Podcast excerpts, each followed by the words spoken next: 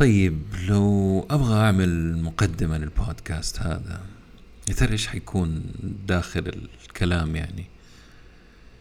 هي ممكن تكون بس music بس ما أعتقد إنه هذا يكفي. لازم يكون في كلام الاثنين مع بعض جربتهم ما عجبني وشلتهم. مرة عملتها كلام لوحدها ومرة عملتها music. أساسا أعتقد إنه يعني البودكاست لازم يكون في يعطي الإنسان المستمع فكرة مختصرة يعني إيش الموضوع؟ يا يناسبه يا ما يناسبه بعدين البودكاست هذا يتكلم عن أشياء كثير يعني ما نعرف كيف حاختصرها. يتكلم عن بزنس يتكلم عن تسويق تجارة بأنواعها والروابط اللي بينهم. بس ده كلام كتير يعني لازم أختصر. مرة عربي اعملها ومرة إنجليزي. اي بس المتابعين عرب يعني عندي ما هم ما هم ما في اجانب بيسمعوا البودكاست يعني. إنجليزي أصلا مليان. المنطقة تحتاج شيء عربي. طب راح يكون نظري ولا عملي؟ يعني حركز على الأشياء العملية ولا الأشياء النظرية ولا أشكل ولا عملي ومعتمد على النظري المهم مرة أشياء كثير طب المقابلات. أقابل مشاهير. ولا بس الناس اللي ما تسلط عليهم الضوء لكن بيفيدونا. يعني okay باختصار كذا خلينا نشوف كذا آه حيكون بودكاست عربي آه يتكلم في ال business مقابلات في مواضيع آه وأشياء ثانية يعني. طيب الفائده منه يعني ناخذ دروس عبر من الأشياء القديمة الأشياء الجديدة تغييرات. أعتقد وصلت لشيء. طب الكلام بدون موسيقى خلينا نشوف أنا كتبت أشياء كذا على جنب هنا هنا واختصرتها عالم البزنس عالم مثير متغير وله جوانب كثيرة. ولأني بصراحة طفشت من التغيير والتكرار مو التغيير التنظير. والتكرار والفلسفة والمثاليات الغير مفيدة أدور الدروس والمفاهيم الجديدة والعبر من القديمة وتأثيرها على حياتنا. ما قابل غير المفيدين بغض النظر عن شهرتهم. بودكاست عالمي بنكهة محلية وأهم شيء عملي وعربي. يا هلا وسهلا بالجميع في بودكاست نتكلم business مع ممدوح الردادي. أتوقع هذه طيبة يعني مش بطالة يعني. طيب آه خلنا نشوفها مع ال music كيف تطلع.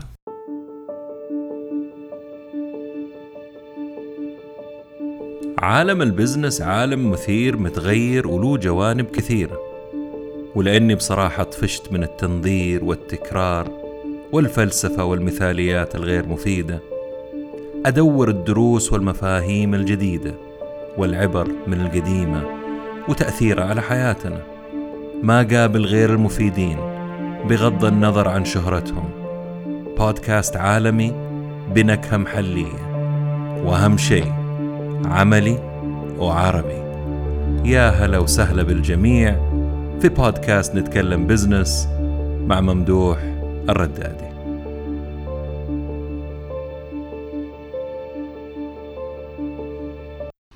اللي عملته في المقدمة هذا حاجة يسموها reverse engineering أو يعني ناخذ شيء موجود ونفككه وصلة وصلة عشان نعرف كيف عملوا الشيء هذا أو الهندسة العكسية أعتقد أنه ترجمتها كذا. المهندسين حيفيدوني في الشيء هذا. آه مسكت المقدمة وفصلت الكلام عن أو فصلت الكلام عن الموسيقى والأهداف وبعدين رجعتها زي ما كانت.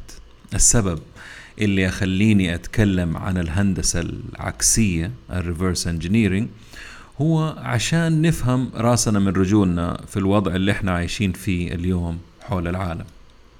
الكل جالس يقول العالم بعد كورونا غير وأنا من ضمن الناس ولكن المسألة راح تاخذ وقت ومو معقول نجلس مكتفين إلين نلقى لنا حل أو تكون تغيرت والقطار زي ما يقولوا فاتنا. لازم نتفاعل لازم نكمل مشاريعنا اللي بديناها ولازم نستمر ولازم نتحدى ونجاري الوضع. بس كيف؟ الكيف عند المهندسين مو العطارين. لما شركة كورية بدون ذكر أسماء قررت تصنع سيارات أشترت سيارات يابانية بدون ذكر أسماء برضو والميكانيكية اللي عندهم وجابتهم وجمعتهم في هانجر آه وخلتهم يفصلوا السيارات ويفصفصوها ويطلعوا الأشياء اللي فيها الأشياء الدقيقة الأشياء الكبيرة.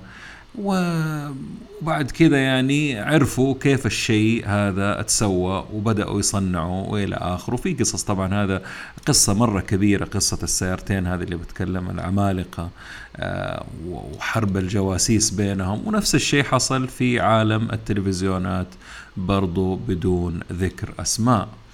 اللي عملوه الشباب إنهم عملوا عمليات هندسة عكسية لكل شيء واحتمال عملوا بعدها يعني أثناء التركيب شيء اسمه ري انجينيرينج أو تحسين هندسي للعمليات أو المركبات وبرضه أرجع وأقول هذا مو موضوعي اليوم. لازم آه، نحاول نشوف الوضع من عدة جهات آه، ونفصفص الموضوع قبل ما نستعجل. يعني كيف؟ كيف وصلنا للي وصلنا له اليوم؟ الطرق، الأساليب، آه، الأشياء اللي أخذناها من الناس السباقين. مين اللي دفوا عجلة التجارة والتسويق والابتكار والانتشار عالميا؟ بعد يعني عملت كذا شوية بحوث. طبعا في أشياء آه، ولدت فكرة هذا البودكاست حتكلم عنها في نفس البودكاست هذا. ولكن بعد بحث سريع كذا آه، لقيت عملاق الكل يعرفه. راح نبدأ في بودكاست اليوم وننتقل وبعد كذا يعني أبغى أسلط الضوء أو ضوء بسيط عليه هو هذا العملاق عملاق المشروبات الغازية ال gorilla brand قيمته اليوم تفوق الثمانين مليار دولار. هذا بس قيمة ال brand. دخلهم التشغيلي في 2018 كانت 32 مليار دولار. يصرفوا على الدعاية سنويا أكثر من 4 مليار دولار حول العالم.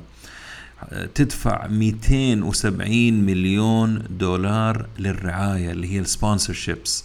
مبيعاتها في المياه المعدنية اليوم تقريبا 700 مليون دولار بس في أمريكا. عندهم 107 مليون متابع على فيسبوك. الشركة طبعا هي كوكا كولا. لما بدأت على يد الصيدلي الدكتور جون بيمبرتون عام 1800 وستة وثمانين وكان يبيعها من خلال مكاين خاصة مخلوطة بالموية الغازية.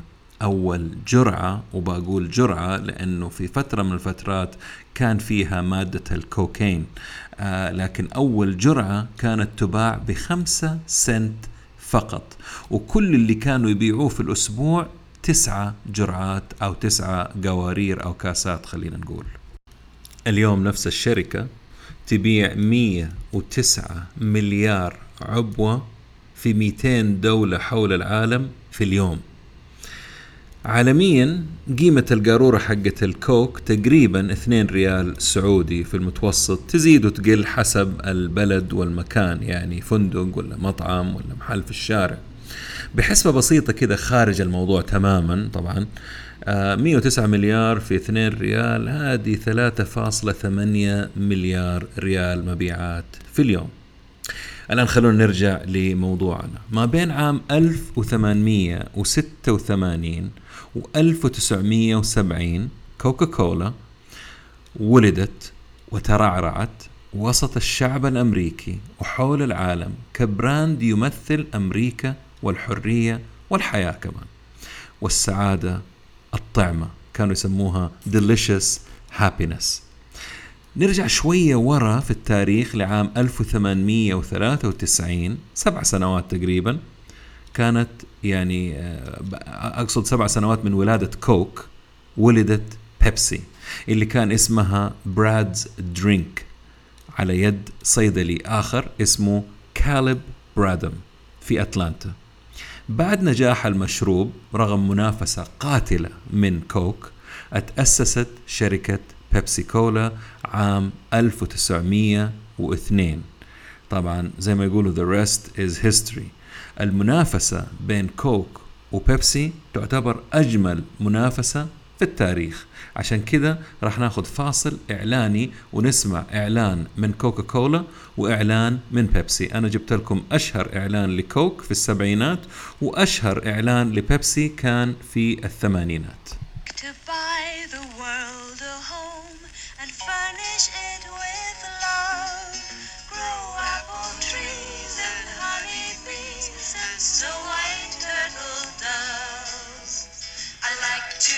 Teach the world to sing. Sing with me.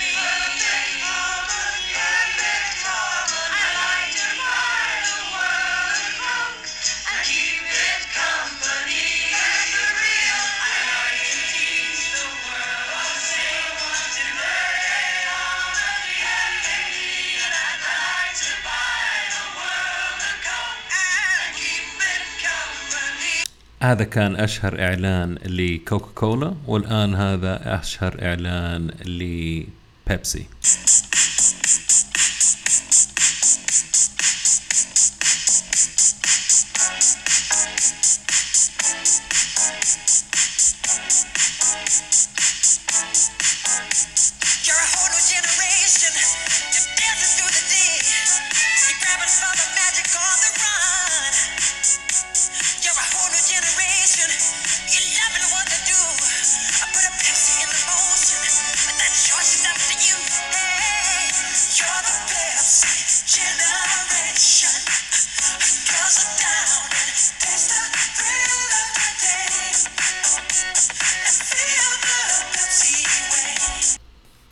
دخلة آه، بيبسي للسوق كانت كوك بتبيع تقريبا مليون جالون سنويا.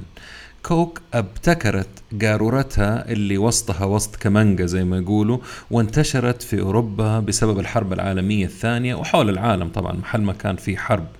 آه، عبقرية مدير الشركة في ذاك الوقت. آه إنه كان يعني مع طبعا الأمريكان وكان بيوزع كوك لجميع أنحاء العالم عبر الجيش. فكانت بتوصل القارورة هذه بالشكل هذا بال brand هذا حوالين العالم وكانت هي سبب رئيسي من أسباب انتشار كوك في العالم. وفي ذاك الوقت أفلست بيبسي ورجعت فلست ورجعت بعدها وبدأت تبيع في علب مو في قوارير غيرت اللعبة شوية. المهم عشان اختصر الحرب بينهم استمرت ولا زالت مستمرة وحتستمر للأبد بين الاثنين. عام 1962 كوك نزلت السوق وتم إدراجها في سوق الأسهم. وفي نفس الفجر الفترة توجهت بذكاء سباق شركة بيبسي وقالت okay إحنا ما إحنا قادرين نلحق الشركة العملاقة هذه لكن لازم نو... عندنا سيولة ونبغى نوزع مصادر الدخل عندنا فتوجهت آه، لسوق ال snacks والوجبات السريعة. ولكن أول شيء كانت ال snacks اللي هي زي شركة آه، Frito Lay's اللي بتقدم Lay's chips وإلى آخره.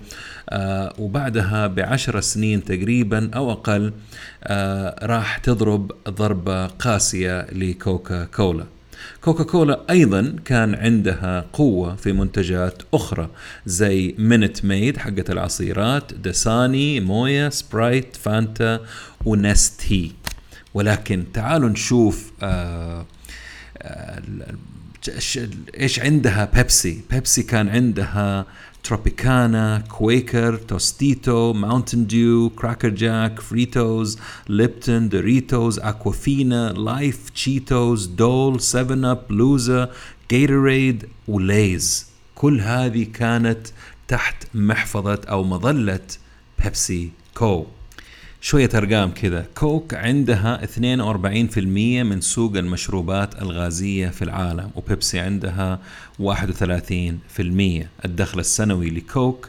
35 مليار دولار و58 مليار دولار لشركة بيبسي.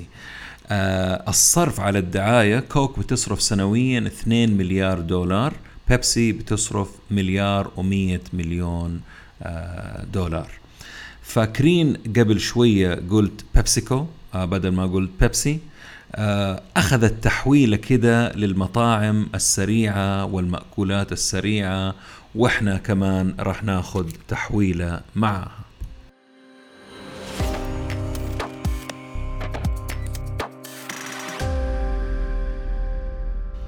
الكولونيل ساندرز اللي أبتكر كنتاكي فرايد تشيكن في الستينات من عمره عام 1956 بعد لفة طويلة في أمريكا قدر يبيع ستة franchise أو ستة امتيازات تجارية.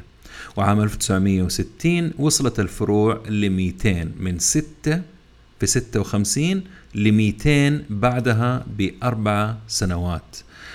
200 مطعم. وعام 1963 وصلت ل 600 مطعم. عام 64 لما وصل عمره 64 سنة باع كنتاكي فرايد تشيكن أو كي اف سي ب 2 مليون دولار. أنا الحقيقة أتذكر إنه بدأ في الخمسينات في ناس كثير بيقولوا لي بدأ في الستينات فسويت بحث سريع أعتقد إنه بدأ في أواخر الخمسينات من عمره. أما البيتزا انتشرت بعد الحرب العالمية الثانية بعد رجوع الجنود من إيطاليا. طبعا هم كانوا في كل أنحاء العالم لكن عام 1958 الأخوان دان وفرانك كارني فكوا أول فرع لهم وسط جامعة في كانزاس ولأنه كان المكان شبه كوخ سموا المطعم بيتزا هات لأنه كوخ معناتها هات وكانت ولادة أول فرع لهم. عام 1959 باعوا أول امتياز تجاري لهم the first franchise آه برضو في نفس الولاية ولكن طبعا فرع أكبر بكثير في كانزاس. لما يعني هذا في 59 عام 1966 كان عدد فروعهم اللي باعوها في أمريكا 145 مطعم.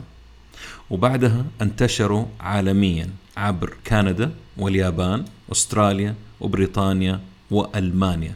طبعا آه، حرجع أكرر الكلام هذا ولكن كان في فورة فرانشايزنج أو امتياز تجاري في الستينات. عام 1971 وصلت المطاعم ل 1000 مطعم.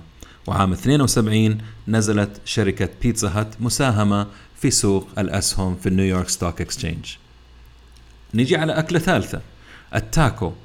أشهر آه، من صنع منه امتياز تجاري هو جلين بيل آه، كان أول شيء بيبيع عربية hot dog لأنه جرب وكان في الحرب برضو في الفترة هذيك ورجع وصار عنده hot dog stand لكن قدامه في نفس المحل كان في واحد يبيع آه، تاكوز فحب يعلمه كيف يسوي التاكوز وقاعد يسوي تجارب كثير إلين ما زبط إنه يسويها على شكل franchise عام 1962 كان أول فرع فكه في كاليفورنيا تاكو بيل إحنا بنتكلم.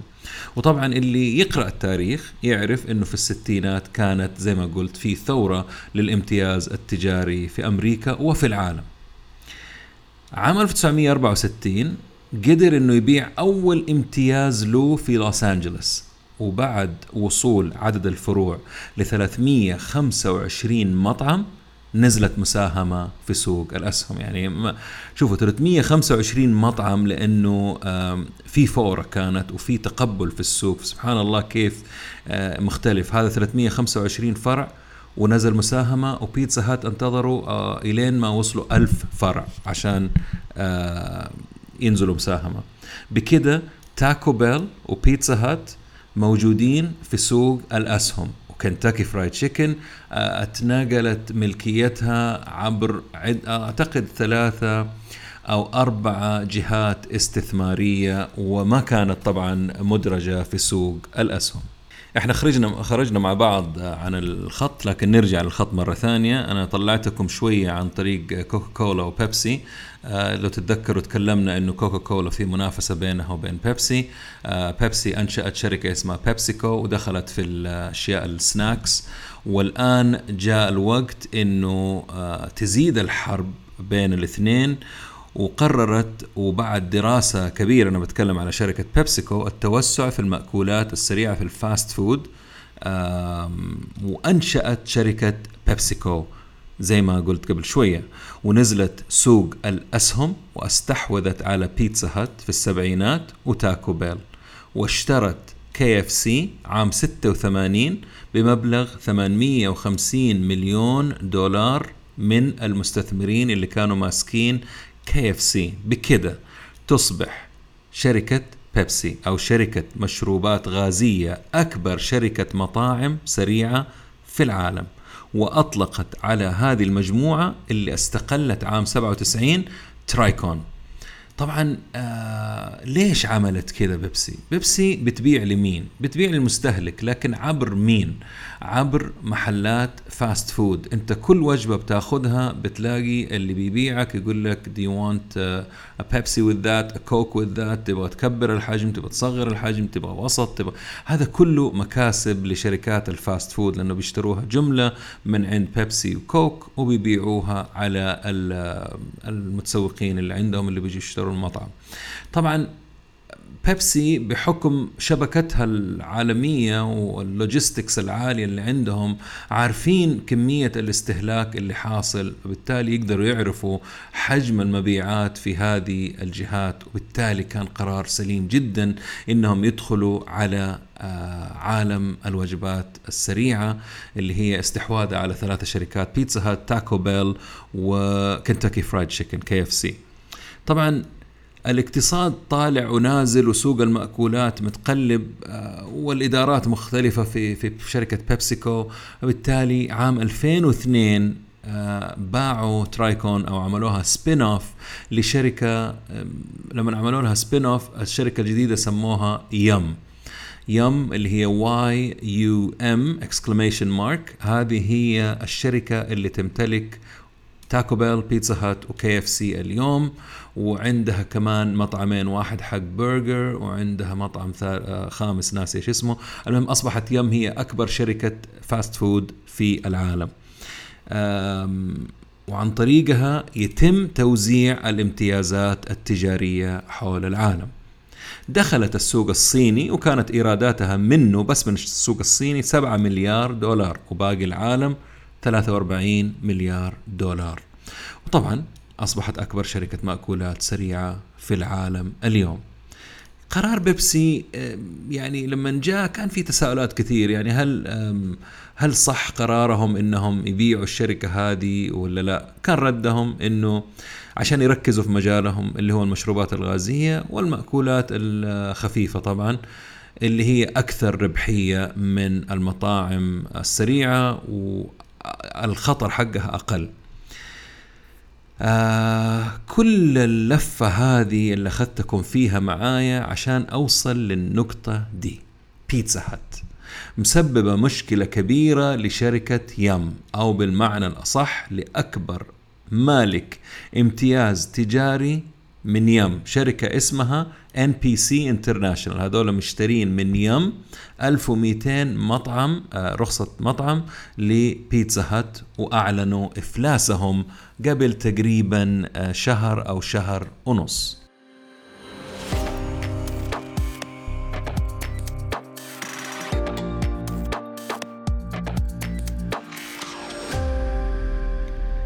طبعا الإعلان آه، يعتبر حماية من الدائنين. عليهم 800 مليون دولار قروض وما قدروا يدفعوا الأقساط أو العمولات للبنوك. آه، الكوفيد أو الكورونا ضربهم بدون رحمة. مع أنه على فكرة تحركت عندهم طلبات التوصيل زي باقي المطاعم. ولكن هنا لازم آه، ندعس على الفرامل ونتوقف عند بيتزا هات وسبب فشل الشركة. هذا النموذج التجاري الرائع اللي صمد أكثر من ستين سنة. يعني آه، بدأ ينقلب على وجهه. ليش؟ وليش المنافسين زي دومينوز وبابا جونز عندهم ازدهار ونمو غير مسبوق؟ يعني أنا شخصيا في شبابي في في طفولتي حتى كمان كانت زياراتنا البيتزا هات تعتبر حدث عائلي. آه، أتذكر المواقع اللي موجودة إن كانت في السعودية أو خارج السعودية. أتذكر الروحه أتذكر المكان الأحمر المدري إيش. كل الأشياء هذه أتذكرها. لو حبينا نحلل مشكلة بيتزا هات. خلينا نقا يعني نقارنها ببعض المحلات المشهورة وكيف قدروا يثبتوا أو يثبتوا البراند في ذهن الزبون. لو أخذنا ماكدونالدز مثلا بدون تفكير البطاطس وريحتها والتشيز برجر آه، الصغير أتكلم وال Big Mac على طول يجي في بالي. حتى لما أنا أروح آخذ قهوة من عندهم في الصباح إن كانت إسبريسو ولا American coffee حتى في الظهر. اشم ريحه البطاطس على طول اللي هو يعني كمان ارحموني شوية. ف مشهورين بهذا الشيء هذه ماكدونالدز. لو أخذنا البيك محليا ريحته المميزة والثوم مع الدجاج على طول تضرب في بالنا. لو أخذنا ستاربكس المكان المميز والتجربة الفريدة وبعدين تجي القهوة. حتى لو إنه أنا رايح عشان القهوة. لو أخذنا Subway ريحة الخبز الطازة والإحساس إنك في مكان صحي مع السلطة وإلى آخره طريقة التقديم. آخر واحدة لو أخذنا محل فول وتميز عادي أول شيء يخطر في بالي التميز والقطعة اللي راح أكلها في السيارة قبل ما أوصل البيت. طيب لما نتخيل بيتزا هات أنا شخصيا أتذكر يعني محل داخله أحمر محطة سلطة أو بوفيه سلطة آه، جمعة عائلية بس متى؟ الكلام هذا قبل 25 ولا 30 سنة.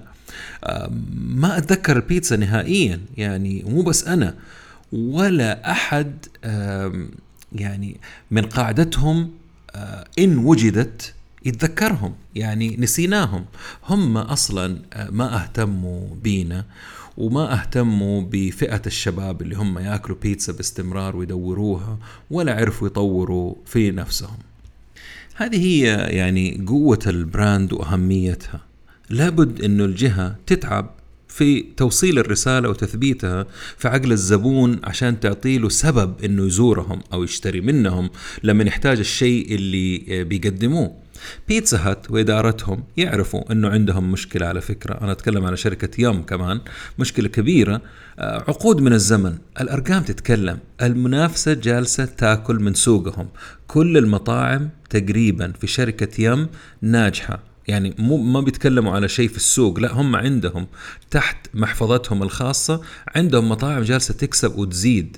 آه وفيها ارتفاع في المبيعات إلا بيتزا هات تعالوا محليا وشوفوا في أي منطقة عربية أنتم موجودين فيها. إذا موجود فيها فرع لبيتزا هات الله يعينهم ويعينكم. يعني وشوفوا وضع الفروع اللي عندنا. شبه مهجورة ما يزورها سوى جالية معينة بدون ذكر اسم الجالية. الجالية هذه تحب الماضي وتعيش داخله. سوق ال Millennials اللي انولدوا ما بين عام 1980 آه، أو منتصف التسعينات شريحة مرة مهمة بالنسبة لسوق البيتزا. آه، يقدر تقريبا ب 50 مليار دولار. هذا المبلغ تم اقتسامه على سبعين ألف محل بيتزا في أمريكا. تصوروا فيها سبعين ألف محل.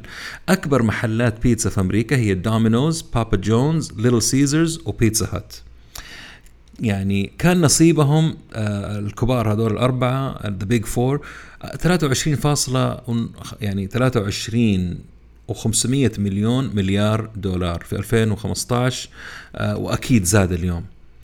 فقدوا الحس مع الزبون بينما الدومينوز تصرف ملايين الدولارات والريالات في تطوير طريقتها والاستثمار في التقنية. عشان تواكب هذه الشريحة الذكية المتطورة اللي جالسة تكبر ومنافستها عالميا ومحليا آه، في الدول اللي موجودة فيها زي ما شفنا. كان عندنا هنا منافس قوي لدومينوز في السعودية قبل كم سنة وبعد فترة ما صار أنا عن عني نفسي شخصيا ما أشوفه نهائيا من شدة المنافسة. يعني كأنه نكش آه، زي ما يقولوا أسد في عينه صحيله بيتزا دومينوز بيتزا. أرجع واقول المنافسة على السعر ما تدوم والتطوير والمحافظة على الجودة وتحسينها والموظفين وانبساطهم كلها تؤثر في المنتج النهائي وهي الطريقة الوحيدة للنجاح. نرجع لبيتزا هات. فشلت في جميع الأصعدة ما قدرت تحافظ على زباينها القدام ولا أولادهم ولا أولاد أولاد أولادهم. يعني بالتالي اللي بعيد عن العين بعيد عن القلب. والمعدة أكيد يعني بدون ما أقول. عشان أقفل آه، حتة المأكولات السريعة أعطيكم معلومة عن شركة يم وإنتوا أحكموا إذا كان قرار جيد إن بيبسي أطلقت سراح آه، الشركة هذه من تحت مظلتها. اليوم يم عندهم عالميا خمسين ألف مطعم في 150 دولة أو 200 إذا ماني غلطان حول العالم. صافي دخلهم. مليار و300 مليون دولار سنويا. مبيعاتهم 5.6 مليار دولار وموجوداتهم تقدر ب 5.23 مليار دولار. أغلى brand عندهم KFC مع إني ماني من عشاقه ولكن هو أغلى brand عند KFC. خلاصة الموضوع عندهم ثلاثة أطفال اثنين ناجحين وواحد فاشل.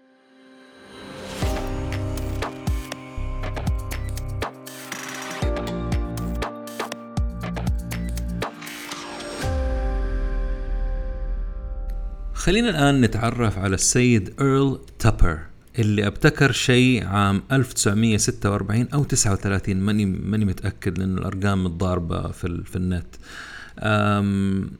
أبتكر حاجة لازلنا نستخدمها إلى يومنا هذا.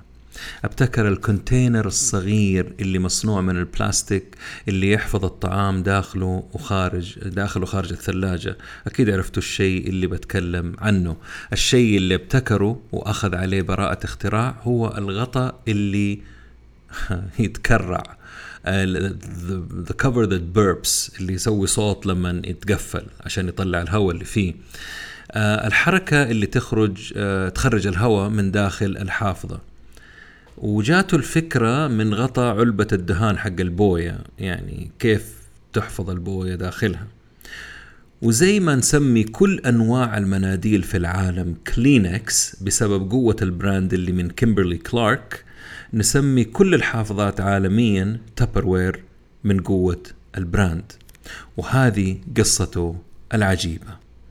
السيد إيرل بعد الحرب العالمية الثانية اشتغل في شركة دوبونت المشهورة حقة البلاستيك والمواد الكيميائية وإلى آخره.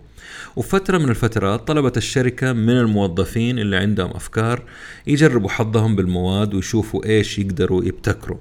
طبعا لازم أقول أنه كل مصانع البلاستيك كان إنتاجها حربي وموادها عادية وجلفة زي ما يقولوا وريحتها غير كريهة زي ما يقولوا. وغير مقبولة لأنها كان ما هي معمول للاستخدام التجاري نهائيا. الشيء اللي توصل له إيرل Tupper من البولي إثيلين كان شفاف وتقدر تلونه وما له ريحة نفاذة وتقدر تشكله زي ما تحب. وتم ابتكار أول آه، حافظة اللي عملها وسماها ال Wonder Bowl. وتم تسويقها بطريقة يعني تقليدية وتقبلها الجمهور ولكن مو بالتوقع اللي كانوا متوقعينه. كان سعرها 39 سنت. اللي يعادل تقريبا 5 دولار ونص اليوم يعني تقريبا 20 ريال للحافظة الواحدة. اليوم مجموعة مكونة من ثلاثة قطع حافظة تكلف تقريبا 120 ريال في أمريكا أو الشرق الأقصى. يعني قبل دخول الصين طبعا والإنتاج المهول اللي قاعدين يسووه ميزتهم خفة وزنهم ألوانهم وليونتها آه، وفي ذاك الوقت كانت مبتكرة وعلى الموضة. ومع هذا كله كانت تباع من خلال كتالوجات. ما هي موجودة في الأسواق المركزية؟ لأنه أعتقد أنه حاول بس ما نجحت أو ما قبلوها منه لأنه كانوا متعودين في ذاك الوقت على القنينة الزجاجية القزاز. آه، فكرة البلاستيك في البيوت ما انعرفت لسه وفعلا القزاز كان هو اللي مسيطر والسيراميك طبعا. في نفس الفترة كان في سيدة تشتغل سكرتيرة وتعيش مع أمها اسمها براوني وايز. أي إنسان يدخل على النت اليوم ويعمل كلمة Tupper يعمل بحث لكلمة Tupperware حتطلع له هذه أكثر من السيد إيرل Tupperware لأنه هي اللي شهرت الشركة براوني وايز شافت المنتج وجاتها فكرة والفكرة كانت عظيمة إلى اليوم بنسويها أو بنطبقها في عدة جهات. هذا الكلام كان في أواخر الأربعينات علما بأنه أول حافظة تم اختراعها عام 1946 يعني كلها كم سنة بين الابتكار واكتشاف براوني وايز للطريقة اللي تبي تبيع بيها. الفكرة كانت أنها تعمل حفلات تعزم فيها السيدات لبيتها بطريقة ذكية. تعمل حفلة والراعي يكون منتجات تابروير خلال الحفلة تقوم صاحبة الحفلة باستعراض المنتجات وأسعارها وطريقة استعمالها. كان آه، يكون في طبعا ضيفة شرف آه، بالمنتجات حقت تابروير المضيفات للحفلة است- استلموا مقابل جهدهم منتجات من تابروير وشكر خاص. وعام 1949 المنتج أصبح صيحة في أمريكا وموضة في كل بيوت ال- الأمريكان والسيدات. آه، واحدة يقال إنها باعت في أسبوع واحد 56 علبة. يعتبر طبعا يعني هذا إنجاز كبير في ذاك الوقت. وفي نفس الوقت كان صاحب الشركة تابر آه، بيقدم من خلال الكتالوج ألوان آه، زاهية زي ما يقولوا أحمر أصفر برتقالي شفاف أشياء تفتح النفس. ولكن وهذا اللي يضحكني كانت تعتبر تقنية متقدمة بالنسبة للزبون اللي متعود على القوارير القساس أتوقع نفس الشيء راح يقولوه علينا وحبنا على الجوالات بعد خمسين سنة وحتى أقل يمكن عشرين سنة. كان لابد يحصل آه زواج بين المبتكر والمسوقة مش زواج حقيقي يعني خليكم معاي شوية. يعني يشتغلوا مع بعض.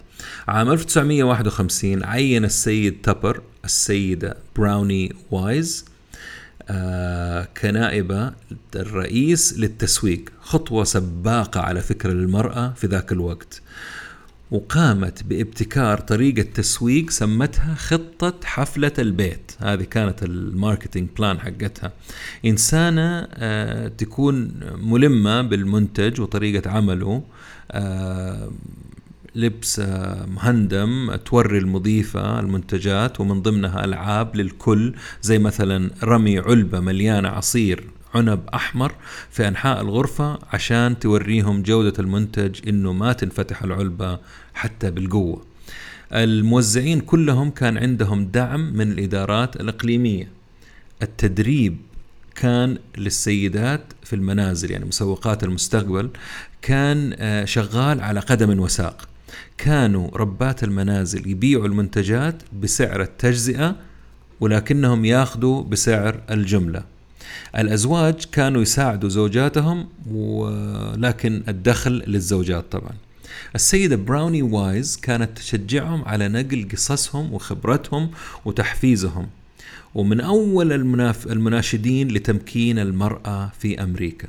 ومن أشهر مقولاتها أنت تبني الناس وهم يبنون البزنس. You build people and they build the business. الشركة ازدهرت طبعا في الخمسينات المبيعات وصلت ل 25 مليون دولار سنويا. يعني ما يعادل 200 مليون دولار اليوم لو حسبنا التضخم. منتجاتهم المشهورة ال Wonder Bowl حق السلطة واللي تعمل آيس كريم في الفريزر. آه وبدأوا شيء ثوري واجتماعي جديد في أمريكا لأنها كانت تدور حول الجمعات والحفلات والترفيه. السيدات اللي انضموا للبرنامج زادوا بشكل غريب وزي ما شركة أوبر اليوم ما تملك ولا سيارة ولكنها تعتبر أكبر أسطول سيارات في العالم آه، شركة Tupperware كان عندها جيش من المسوقين اللي تعتبرهم مقاولين أو مندوبين آه، freelancers حقون الزمن القديم.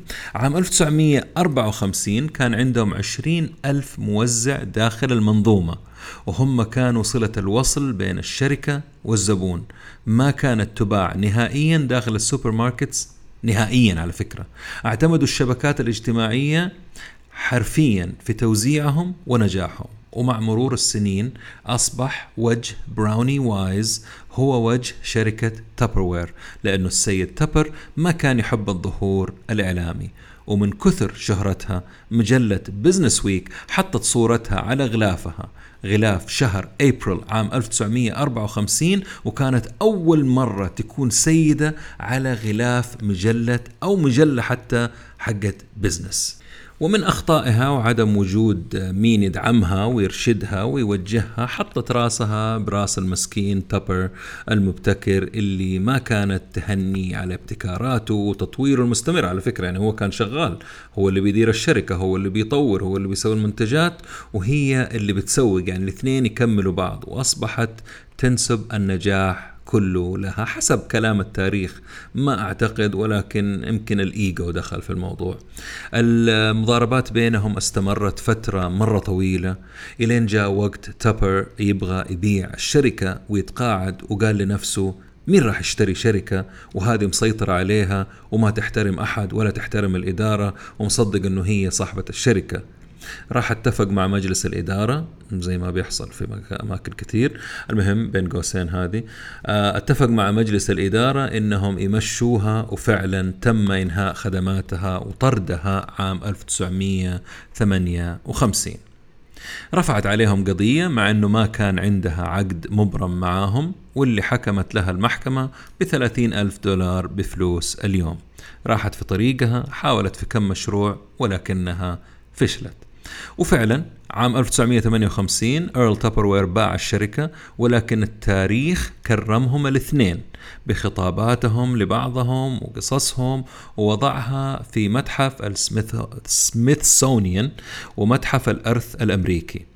جينيس للأرقام القياسية وضعت Tupperware ضمن أعظم ابتكارات القرن العشرين من ضمن القائمة Sony Walkman واللي يضحك في هذه القائمة إنها ما حطت الكمبيوترات. مش معقول. عالميا أصبحت أي حافظة طعام تسمى بتابروير المنافسة اليوم في جميع أنحاء العالم شركات عملاقة وشركات غير معروفة مبيعات تابروير تقريبا 2 مليار دولار سنويا وتجي من خارج أمريكا الأسعار تبدأ من دولار وإنت طالع.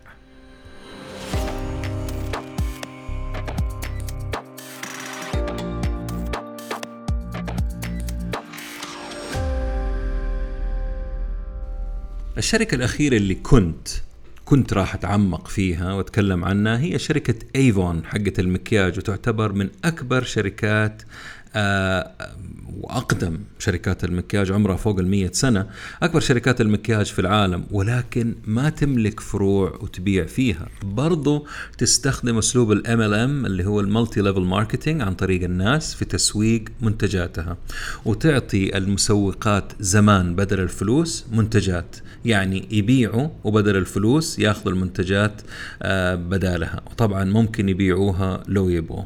الشركة عندها ثلاثة طرق تدفع للموزعين تطورت عبر السنين. زمان كانت بس تعطيهم منتجات. آه، ثلاثة طرق تدفع الموزعين بيها على حسب آه، علم اليوم.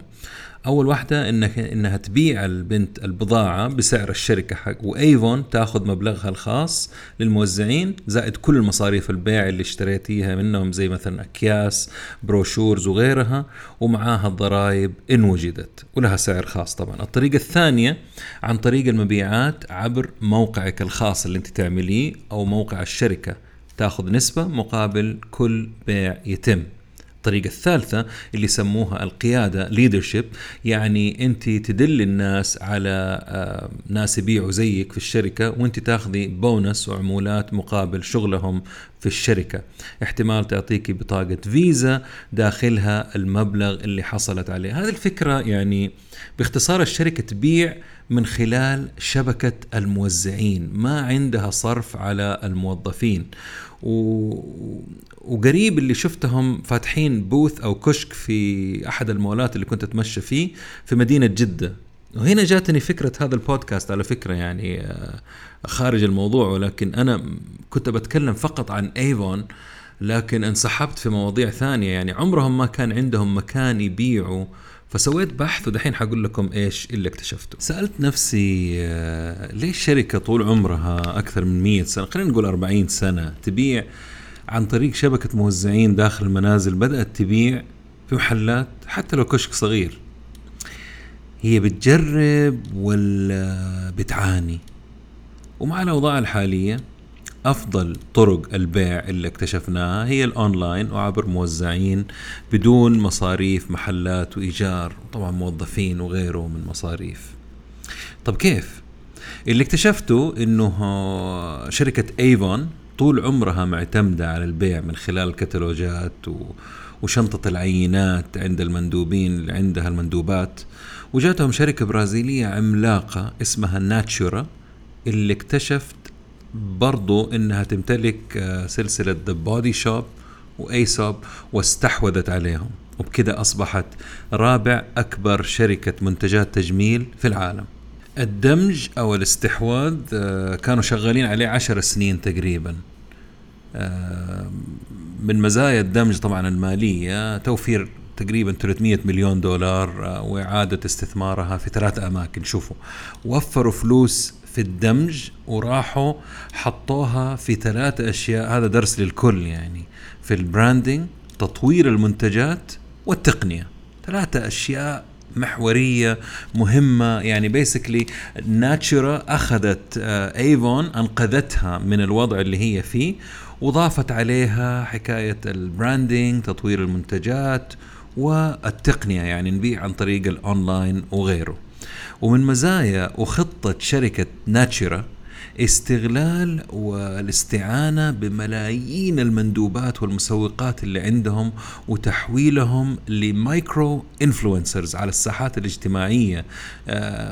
كيف يعني؟ يعني مثلا إحنا نجي نطالع لو دخلنا على أي حساب في إنستغرام للمشاهير جالسين آه، أشهر واحدة ناس كيلي جينر أظن اسمها ولا مدري مين بتسوي ملايين من الدعاية لمنتجات وأظن عندها خط إنتاج خاص فيها هي في المكياج العطور إلى آخره. فتخيلوا شركة عندها ملايين الناس حوالين العالم حتحولهم تدربهم وتخليهم هم نفسهم دولة يصيروا micro influencers مؤثرين مايكرو على الساحات الاجتماعية حسب احتياج السوق. يا لدهاء الشركة العظيمة هذه البرازيلية. ويقدروا يبيعوا منتجاتهم بحسبة بسيطة كده. لو كل مندوبة فقط عندها خمسين متابع طبعا عندهم أكثر البنات خمسين متابع راح يقدروا يوصلوا ل 300 مليون مستهلك. شايفين العبقرية فين؟ طيب بكده غطيت آه، أعتقد سبع شركات عملاقة وشركة يم معاهم. والآن الشيء اللي أهم من هذا كله إيش فائده كل القصص هذه؟ الفائدة إن شاء الله عظيمة وراح تفتح عيوننا للأمور اللي تنفع في الزمن الماضي وما تنفع اليوم والزمن القادم. راح نتعلم نفكر ونبدع خارج المألوف.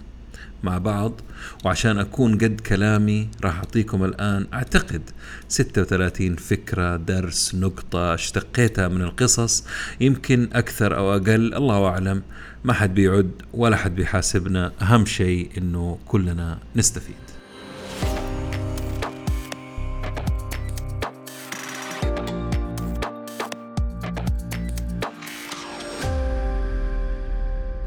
نبتدي منين النهاية أو البداية لهذا البودكاست؟ أول شيء عشان آه، تضبط معانا عملية الهندسة العكسية reverse engineering لازم نطلع الأشياء اللي واضحة وضوح الشمس.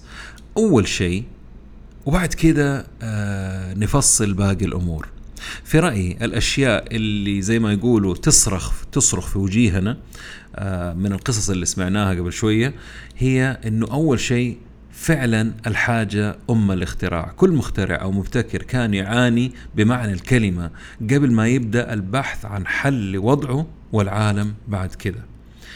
الشيء آه الثاني أهمية وجود حاجة للشيء اللي أنت بتقدمه أو الأمور اللي أنتم بتقدموها. الحاجة يعني يكون في حاجة لها. آه وهذه في فترة زمنية أو حقبة زمنية عشان أكون أدق. أحيانا بل غالبا تكون الناس متعودة على شيء وما تفهم الحل اللي أنت بتقدمه. آه ومو شغلهم على فكرة إنهم يفهموا الحل من واجبك أنت وواجبك أنت بأي طريقة لفت نظرهم وانتباههم وتعليمهم على الحل. ثالث الأمور الابتكار له أشكال وأنواع ووجيه مختلفة ويعتبر عنصر أساسي لأي عمل ناجح عبر التاريخ ويتكرر وراح يتكرر للأبد. إذا ما تبتكر أو عندك استعداد تبتكر وما توقف آه، النتيجة إنه إنه العالم راح يكمل طريقه ويتركك ومشروعك وفكرتك على أول محطة وينساك هو ومن عليه. يعني الابتكار لازم يكون حاجة مستمرة. رابع الأمور خاصية التوسع والانتشار والاستخدام من قبل فئات مختلفة آه، في أنحاء العالم مهمة وضرورية للنجاحات الكبيرة العملاقة اللي يكتب عنها التاريخ القديم والحاضر. مهم جدا يكون عندك هذه الخاصية داخل مشروعك لو ما في أخترع الشيء هذا داخل مشروعك أو فكرتك أو خدمتك اللي أنت بتقدمها. خامس الأمور الواضحة إنه التسويق ما عمره سبق المنتج. أقصد ما هو أهم شيء ما هو أهم آه، من الشيء اللي أنت بتسوقه وتعمل له براندنج آه، ما هو لغز مين جاء أول البيضة ولا الدجاج الدجاج جات أول ولا ما كان في بيضة أصلا؟ أعيد وأكرر. أفضل تسويق وحملات إعلانية راح توضح حقيقة الأمر وتلمعه سواء كان جيد أو سيء. وبعدها صعب نزع الفكرة من ذهن المتلقي أو الزبون أو العميل. التسويق يقدر ينقذ منتج عظيم الناس ما تعرفه ولازم يكون تحت سيطرة صاحب الفكرة أنت يا صاحب المشروع. أحيانا الحل اللي أنت بتقدمه أو يقدمه منتجك أو فكرتك ما وصل للي عنده المشكلة وهذه بحد ذاتها أكبر مشكلة قد تنهي مشروعك. آه، أحب اهتمامكم على فكرة بالتسويق والبراندنج والتقديم اللي أشوفه ولكن عشر خطوط تحت لكنها اهتمامكم بالشيء اللي بتقدموه أهم بكثير والتركيز بعدها يعني لازم يكون على إيجاد الألم اللي مزعج الناس وعلاجه بخدمة أو منتج.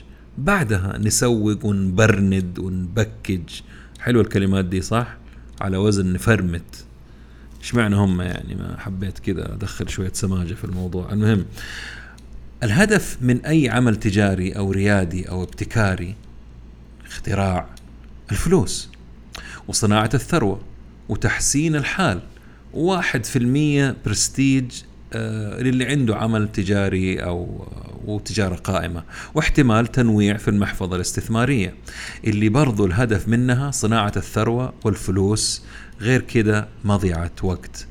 بيع المشروع الناجح ترى على فكرة شيء عادي ويوفر لصاحب المشروع سنين وفرص اليوم أكثر مما كان يتوقع.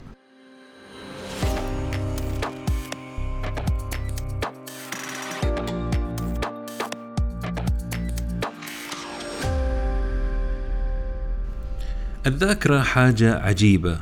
نتذكر اللي نبغاه متى ما نبغاه. وشركات التسويق اللي فاهمة عارفة الموضوع هذا كويس. بعيد عن العين بعيد عن القلب. إذا العميل ما يفتكرك لما يجوع أو لما يبغى يشتري ثوب جديد أو عطر جديد أو لما يعطش متى راح يفتكرك؟ بناء الصورة الواضحة في ذهن العميل أو المتابع أمر ضروري. وما هو لعبة على فكرة؟ سؤال أو عدة أسئلة على فكرة. هل مكتبة جرير مكتبة؟ ولا مكان أجهزة كمبيوتر وتقنية؟ هل ستاربكس مكان قهوة ولا مكان جمعة؟ هل سوبر ماركت بندا شعبي ولا سوبر ماركت تخفيضات مستمرة ولا hyper؟ هل لا زالت هواتف سامسونج تنفجر؟ هل Kit Kat اللي في لندن أحسن من اللي عندنا فعلا؟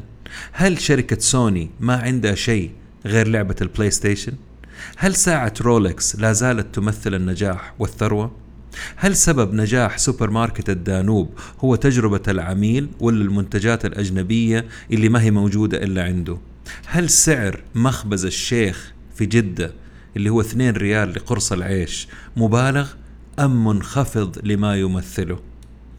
ما هي الشركة الأولى اللي تفتكرها لما أقول تأمين؟ كل هذه الأسئلة لازم نسألها وعلى منتجات وخدمات أخرى بالإضافة لمنتجاتنا وخدماتنا الخاصة. الشيء اللي بعد كذا السمكة الكبيرة والهوامير أو الحوت أو القروش تأكل السمك الصغير والصغير يأكل اللي أصغر منه اللي يأكل اللي أصغر منه وهكذا. ما حد يدور سمكة أكبر منه وتبلعه إلا إذا كان عمل تجاري ناجح وهذه السمكة آه، ممكن تكون استثمار جريء أو شركة عملاقة في نفس القطاع أو قطاع ثاني آه، وتبغى تعمل عملية تنويع في محفظتها الاستثمارية. مو على كيفنا مين ياكلنا. أحيانا السوق هو الحكم الحكم. خاصة لو كانت الشركة مدرجة في سوق أسهم يسهل عليهم تجميع أسهمها وامتلاكها. أو نجاح مشروعك مذهل ومتنامي وعدد العملاء والأرباح والمنتجات والخدمات في تزايد مستمر وتجيك جهة تستحوذ عليك. بعد إذنك طبعا مقابل عشرة أضعاف أرباحك اليوم والسنين القادمة. تذكر دائما وإنت تعمل إنهم يراقبوك بهدوء يعني عن بعد وجالسين يدرسوا وضعك وكيف ممكن يستفيدوا. ما يهمهم انت ومشروعك على قد ما يهمهم نفسهم وفائدتهم طبعا مؤلمة ولكنها صحيحة ومفيدة للطرفين وانت لو كنت مكانهم أو انت لو كنت مكانهم كان عملتي نفس الشيء وتفكري في نفسك. النقطة اللي بعد كذا كثير آه، يعاني منها في العالم آه، مش محليا طبعا في كل العالم آه، مشاكل المادية التدفق النقدي أهم شيء. بس ممكن ما أقول كلمة ثانية غير يعني أنه التدفق النقدي مهم والمفروض تكون وصلت الرسالة من كثر ما كررت الموضوع هذا. وضحت لنا جائحة كورونا أنه اللي استمر كان عنده سيولة نقدية بغض النظر عن الظروف. سيولة تدفع رواتب مواد إيجار دعاية تسويق تطوير. اللي كانت سيولتهم النقدية تعبانة أو بتموت الله يعينهم ويرحمهم. تخفيض المصاريف والتكاليف مهم. والمفروض ما نتوقف عنه. في كم شرف كم شركة أعرف ملاكها شركات عملاقة إن قال عن ملاكها إنهم ناس ما ترحم.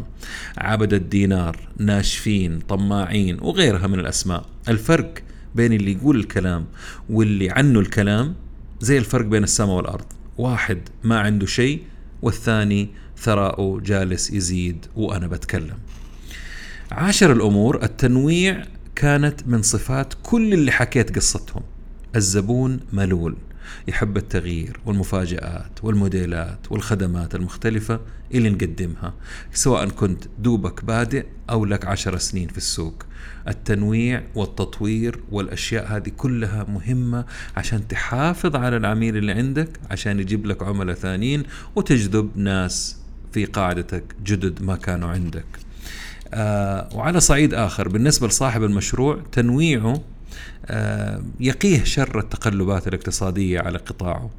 إذا وزع أموره بطريقة مدروسة يعني أقصد عشان كذا تلاقوا الأثرياء آه، وأصحاب المليارات أو الملايين من من ضمن أصحابهم مدراء صناديق استثمارية ومستشارين في الأمور المالية والاستثمار.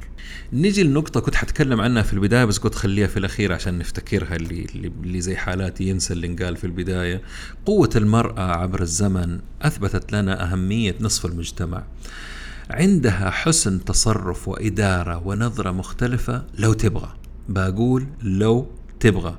ولا يزعلوا مني السيدات اللي بيسمعوا يعني آه، تعرف المفيد من اللي غير مفيد تتخلص منه بدون رحمة. بتكلم عن الشغل برضو لا تفهموني غلط. تمكين المرأة مو لازم يكون شعار نتاجر فيه لازم نمكنها ونعطيها كل اللي تحتاجه من تدريب وتعليم وتطوير مستمر عشان بدون مجاملة من اللي أنا شفته شخصيا إبداعهم من نوع آخر. أهم نصيحة لك إذا أنت بتسمعيني أبتعدي عن طريقك أقصد المفروض يعرفوا ويتعلموا التعامل مع بعضهم البعض أفضل. آه اللي اليوم تسأل يعني, يعني إلى اليوم تسأل واحدة أه تحبي تتعاملي مع سيدة تقول لك لا أعوذ بالله أنا تعاملي مع الرجال أفضل مية مرة والعكس صحيح ولكن الرجال ما عندهم مشكلة يتعاملوا مع الرجال. قريب راح يصبح أمر قديم. المهم التدريب والتمكين الصحيح مو الشكليات لأنه نتيجة الشكليات والعجلة في التدريب واضحة في السوق اليوم. رسالة لصاحب أي مشروع. أدرس المناطق المختلفة اللي عندك وشوف فين ممكن تستبدل الشباب عندك بشابات. ولكن قبل ما تستعمل الحركة هذه جهزهم. أعمل حركة واختبر الموضوع عندك أعمل روتيشن أو تدوير للموظفين. وهذه الأوقات فرصة كبيرة لإجراء تغييرات. وناس كثير راح تقول لك okay عادي بنمر في ظروف صعبة فأعطوهم فرصة يجربوا ويغيروا. وهذه هذا هو الوقت اللي تقدر تسوي فيه التغييرات هذه وال rotation. خلاص قربنا نخلص. الأمر الآخر هو البساطة والوضوح والتقنية والتركيز والقيمة. خمسة أمور لا غنى عنهم اليوم. ولا قبل مية سنة وأثبتت لكم من القصص اللي حكيتها إنه البساطة الوضوح التقنية والتطوير والتركيز والقيمة اللي بياخذها العميل هي سبب نجاح وانتشار الشركات العالمية اللي إحنا بنشوفها غير الشركات الكثير اللي أنا ما تكلمت عنها طبعا. بسط عملياتك كلها من عمليات الشراء التسويق آه، الأعداد التقديم الترجيع كيف ترجع البضاعة أو الشيء اللي أنت بتسويه. خلي عملك واضح وضوح الشمس. إيش بتقدم؟ لمين بتقدمه؟ ليش أنت أفضل من غيرك؟ حدث التقنية عندك ولا تبخل. يعني لا تبخل في الموضوع لأنه هذا استثمار. وعميلك مثقف ومتطور وعنده غيرك عشرة يمكن عشرين منافس قاعدين يتطوروا ويزيدوا التقنية عندهم وأمورهم. ركز في شيء واحد وبلاش التشتت في عشرين شغلة آه ولا تضحك لأنك أنت بتضحك على نفسك في الأخير. القيمة اللي بتقدمها لازم تزيد عن اللي بيندفع لك وتزيد من رضا عميلك. لا تجلس تبخل وتقول لا هذا يكفيه خلاص هذا يحمد ربه إنه أنا بعطيله بالسعر هذا. لا لا لا العميل اليوم وبكرة وبعد بكرة يبغى قيمة مضافة. ما بتكلم عن مثلا اشتريت الجهاز هذا بألف ريال إيش ما كان. okay هذا قيمته ألف ريال ولكن إيش معاه؟ هل في صيانة؟ هل في استبدال؟ هل في ضمان؟ هل في تأمين للجهاز لو خرب لو انكسر لو طاح لو اللي يكون؟ انت إيش تختلف عن غيرك؟ إيش هي القيمة المضافة اللي انت بتعطيني هي؟ العميل ما عنده مشكلة كم مرة أقولها في الفلوس أو في المبالغ أو في الاستثمار ولكن يهمه إيش يجي مع هذا الشيء. أشياء تعرفوها ولكن لازم نكررها لأنها تكررت في كل قصة تكلمت عنها اليوم في البودكاست.